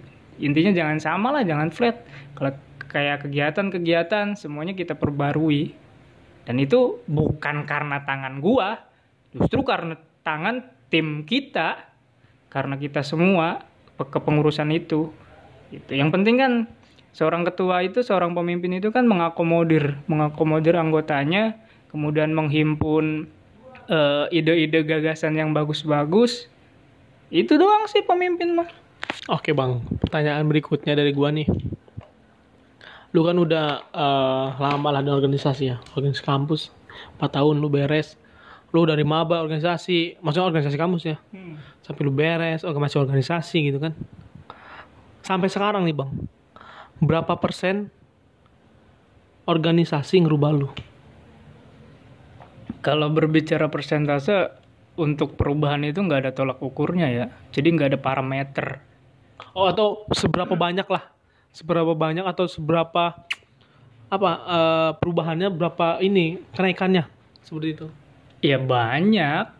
Yang pertama tadi gue bilang uh, eh, gue dulu pemalu, sekarang udah enggak bahkan malu-maluin sekarang mah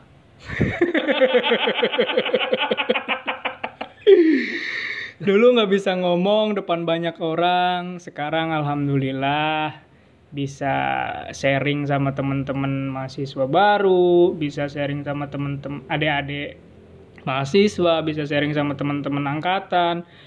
Bahkan kemarin sempat diundang juga jadi jadi apa eh, pengisi acara teman-teman anak SMA kan pernah. Oke bang, gue pengen tahu ini. Nih ya bang, kalau misalkan menurut lo nih, menurut lo nih, orang banyak yang nanya kayak gini ya. Or, mungkin gue mewakili banyak orang yang bilang uh, pertanyaan ini. Pasca lu selesai dari kampus, lu organisasi kampus pasca selesai, lu berorganisasi di kampus ya enggak? Ngomongin tentang karir lu di ke depan, ya enggak? Karir seseorang ke depan yang banyak orang kan kalau misalkan berorganisasi lu berorganisasi kayak gini. Lu nanti kalau udah lulus bakal bla bla bla bla bla. Kalau berorganisasi lu kalau misalkan gak organisasi bakal bla bla bla bla gitu kan. Apakah benar banyak orang yang bilang kalau organisasi ya enggak membuat lu lebih apa ya namanya lebih apa bang? Lebih diterima lah di berbagai pekerjaan karena organisasi lu itu gitu. Dibanding dibanding orang yang tidak kuliah eh tidak kuliah tidak organisasi tadi bang. Menurut lu gimana? Yang pasca lu ya pasca setelah lu organisasi kan 4 tahun hmm. setelah lu lepas dari kampus. Status lu kan organisasi juga waktu itu. Hmm. kalau gue beres dari kampus sih masih relevan uh, statement kayak gitu relevan gini. Apa orang yang punya ilmu organisasi sama orang yang dulunya nggak ikut organisasi itu pasti akan beda. Modal kita pertama itu memang modal awal itu IPK ya. E, IPK kita di atas tiga itu udah modal pertama. Tetapi kan yang paling penting itu soft skillnya. Untuk ini untuk dunia kerja ya, soft skillnya apa? Ya kayak public speaking, kemudian negosiasi, lobbying, itu kan ilmu-ilmu yang didapat dari organisasi.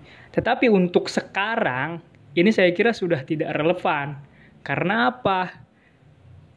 Ini era revolusi industri 4.0 loh bro. Kita bisa, jadi skill kita itu dilatih kayak di Instagram, terus apa sih namanya, coding-coding gitu tuh. Itu kan bukan di organisasi.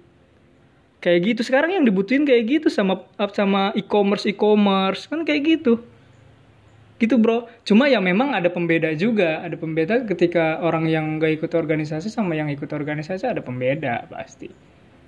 Uh, gue sering interaksi sama orang yang dulunya ikut organisasi ya. Kayak misalkan orang-orang yang pejabat-pejabat atau orang-orang yang eh, apa kayak direksi-direksi gitu pernah interaksi.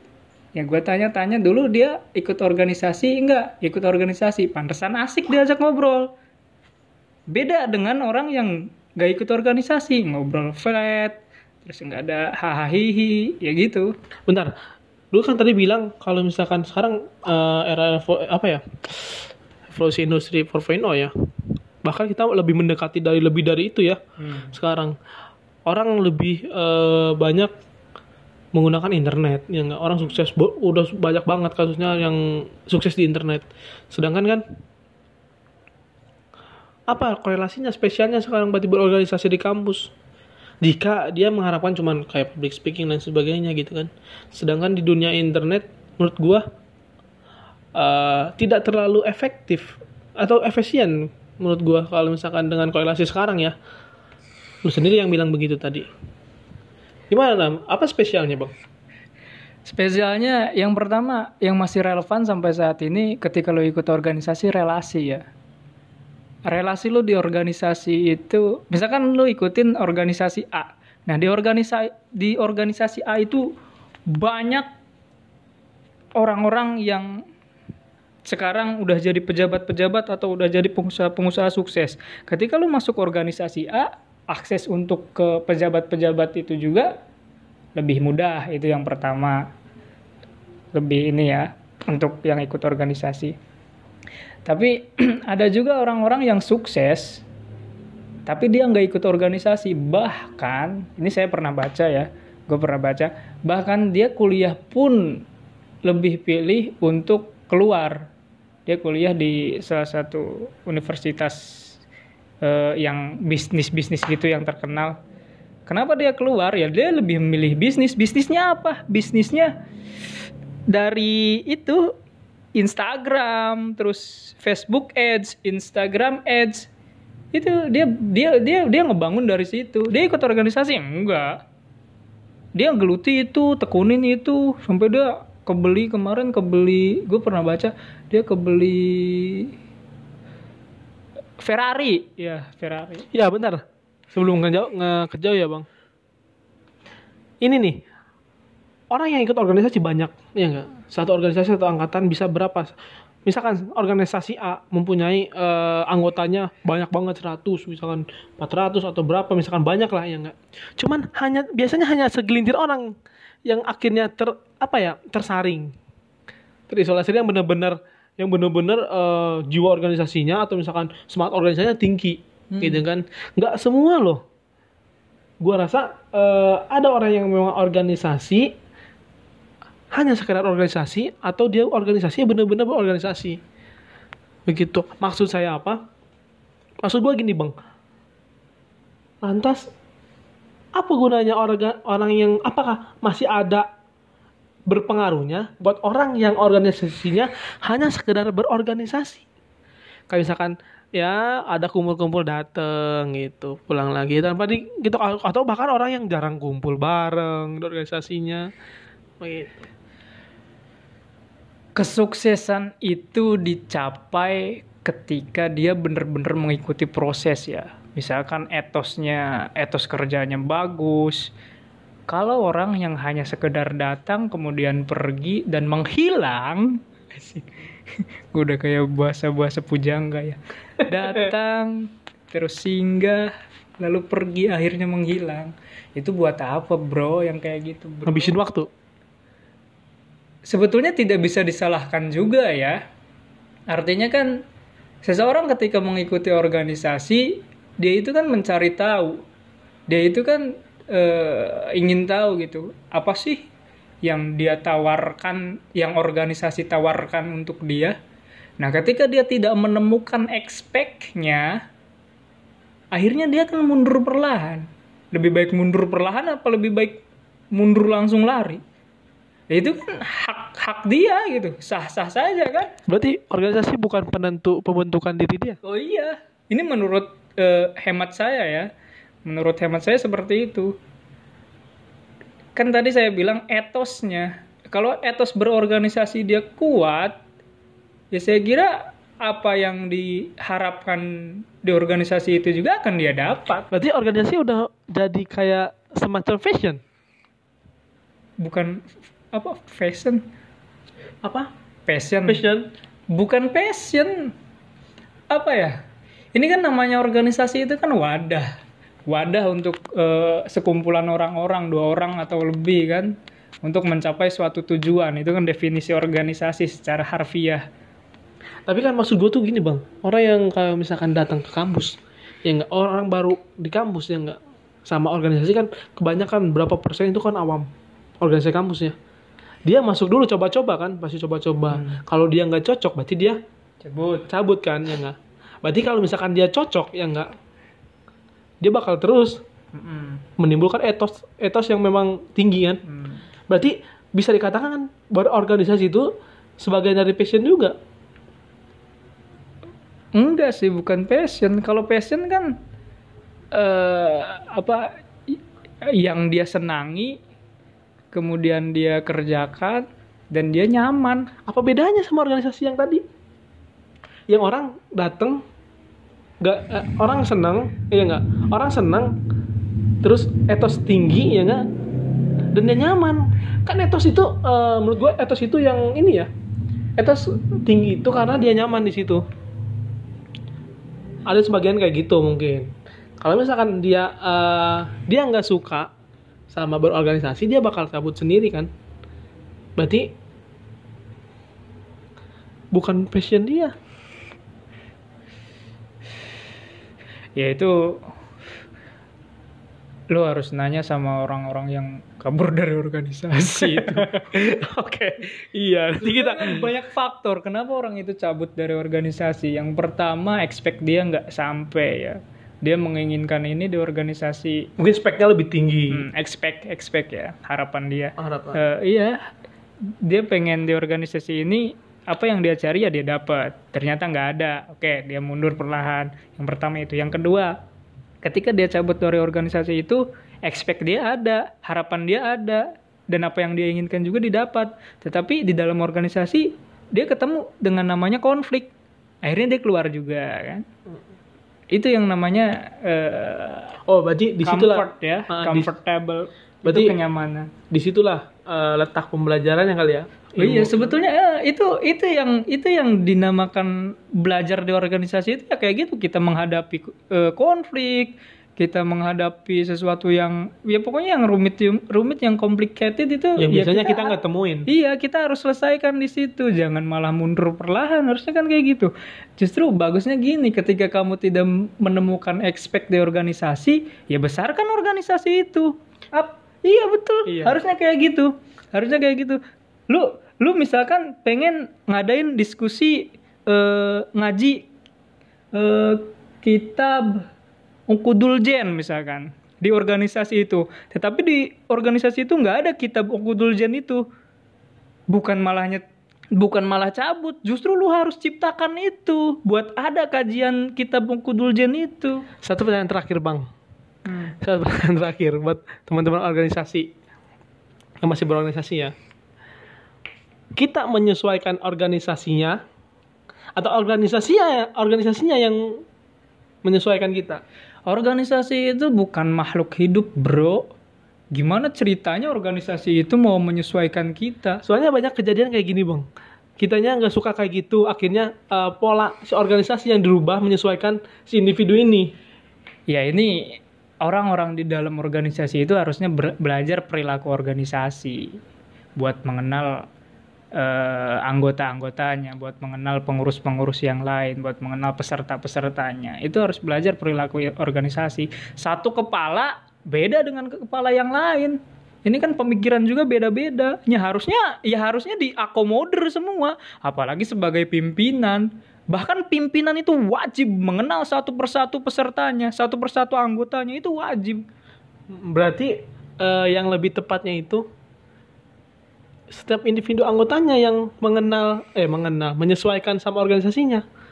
Iya nggak sih lebih tepatnya? Karena kalau kita menyesuaikan organisasi yang menyesuaikan atau pimpinan organisasi kan organisasi itu kan eh nakodanya kan si pemimpin nih. Hmm. ya enggak berarti lebih tepatnya itu kalau misalkan si setiap individu setiap anggotanya yang menyesuaikan dari organisasinya. Itu kan? Lebih tepatnya.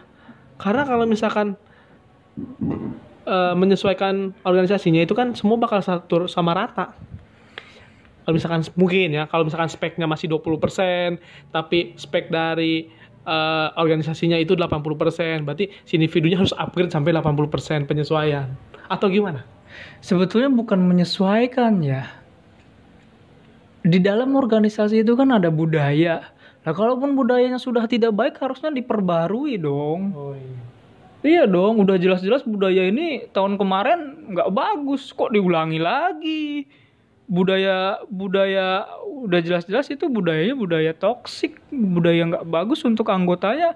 Harusnya ya teman-teman paham lah. Kenapa sih lu lu harusnya ja- jadi ketika masuk organisasi harusnya jadi penganalisa juga dong. Kenapa sih tahun kemarin dulu pesertanya banyak, anggotanya banyak, tapi sedikit-sedikit secara alamiah kok cabut? Ada apa ini? Nah, ketika gua masuk organisasi ya ketika lu masuk organisasi ya lu harus rubah dong budayanya di situ. regulasinya Bukan regulasi, apa ya? Ya budaya, budaya organisasi. Budaya organisasi yang buruk itu kan ya gimana si individunya Iya, yang di dalamnya. Kok budayanya buruk diulangi lagi, udah ulangi lagi, nggak bagus kan? Jadi eh, orang yang berarti gue tangkap gini bang berarti orang yang berorganisasi di satu organisasi itu yang nggak bukan berarti dia harus menyesuaikan si organisasinya ya enggak tapi jangan eh, jangan seolah-olah dia tuh ya sebagai anggota biasa aja ya enggak tapi dia harus benar-benar ambil peran juga mungkin Oh, untuk iya. organisasi itu begitu Betul. Iya, jadi eh, apa ya? Untuk ke depannya mungkin eh, berbagi kan kita Betul. Gini loh, gini loh. Teman-teman ketika masuk organisasi jangan jadi pendengar saja. Teman-teman juga harus menjadi promotor di situ, harus menjadi inisiator di situ. Yang dirasa nggak bagus dan yang dirasa lu harus perbaiki ya lu bilang dong. Jangan diem aja malah lu cabut nggak bagus kayak gitu. Justru yang yang lu rasa, oh ini nggak baik nih. Kenapa kita nggak bikin ini aja? Itu kan hal yang positif. Apa salahnya kan? berarti perubahan yang tadi perubahan besar dimulai dari perubahan diri sendiri dulu ya. Betul, betul. Ada eh, seorang filsuf Yunani bilang gini, Gimana tuh? lu jangan punya cita-cita besar untuk membangun negara, sedangkan provinsi lu aja belum lu bangun. Lu jangan punya cita-cita besar membangun provinsi lu, sedangkan kabupaten lu aja belum dibangun. Lu jangan punya cita-cita besar untuk membangun kabupaten lu atau kota lu, sedangkan di kecamatan aja lu nggak bisa sumbang siapa-apa. Lu jangan punya cita-cita besar untuk membangun kecamatan lu, sedangkan di desa lu aja nggak bisa lu bangun. Lu jangan punya cita-cita besar untuk membangun desa lu, sedangkan di keluarga lu aja belum ada perubahan apa-apa. Lu jangan mau, lu jangan punya cita-cita besar untuk membangun keluarga lu, sedangkan dalam diri lu aja nggak bisa lu rubah. Mantap. Oke, makasih Bang. Eh, jadi tadi kesimpulannya buat teman-teman yang eh, lagi berorganisasi, mungkin ada jenuh-jenuhnya ya wajar. Gue pernah ngerasain juga organisasi di kampus jenuh, malas dan sebagainya. Itu kembali lagi lu niat organisasi lu buat apa gitu. Ada orang eh, tujuan organisasinya beda-beda. Jadi kembali lagi sama diri lu, apa tujuan lu organisasi ngerubah diri lu kan atau tujuan-tujuan yang lain, maksud-maksud yang lain gitu kan. Tapi gua harap eh, lu berorganisasi di kampus, kesempatan lu eh, di situ dimulai untuk mengembangkan diri lu, soft skill lu karena banyak banget hal-hal yang bisa lu lakuin di organisasi. Karena kalau misalkan lu hanya eh, menurut gua ya, kalau misalkan lu hanya manfaatin di ruang kelas aja, mungkin eh, soft skill lu mungkin banyak eh, orang banyak juga sukses karena itu, cuman masih banyak kesempatan soft skill lu bisa digali di luar dari jam kuliah itu juga. Begitu Bang. Oke. Oke. Bang Farhan makasih udah hadir di podcast gua. Sama-sama, sama-sama. Oke, jangan kapok Bang datang-datang ke sini lagi. Nanti datang juga ke podcast gue ya. Gua Oke, siap. Siap, siap, siap. Oke, terima kasih buat teman-teman. Eh, terima kasih udah dengerin sampai habis. Semoga teman-teman sukses terus. Saya doakan ke depannya semakin sukses dan tetap enjoy pastinya. Oke, selamat beraktivitas kembali.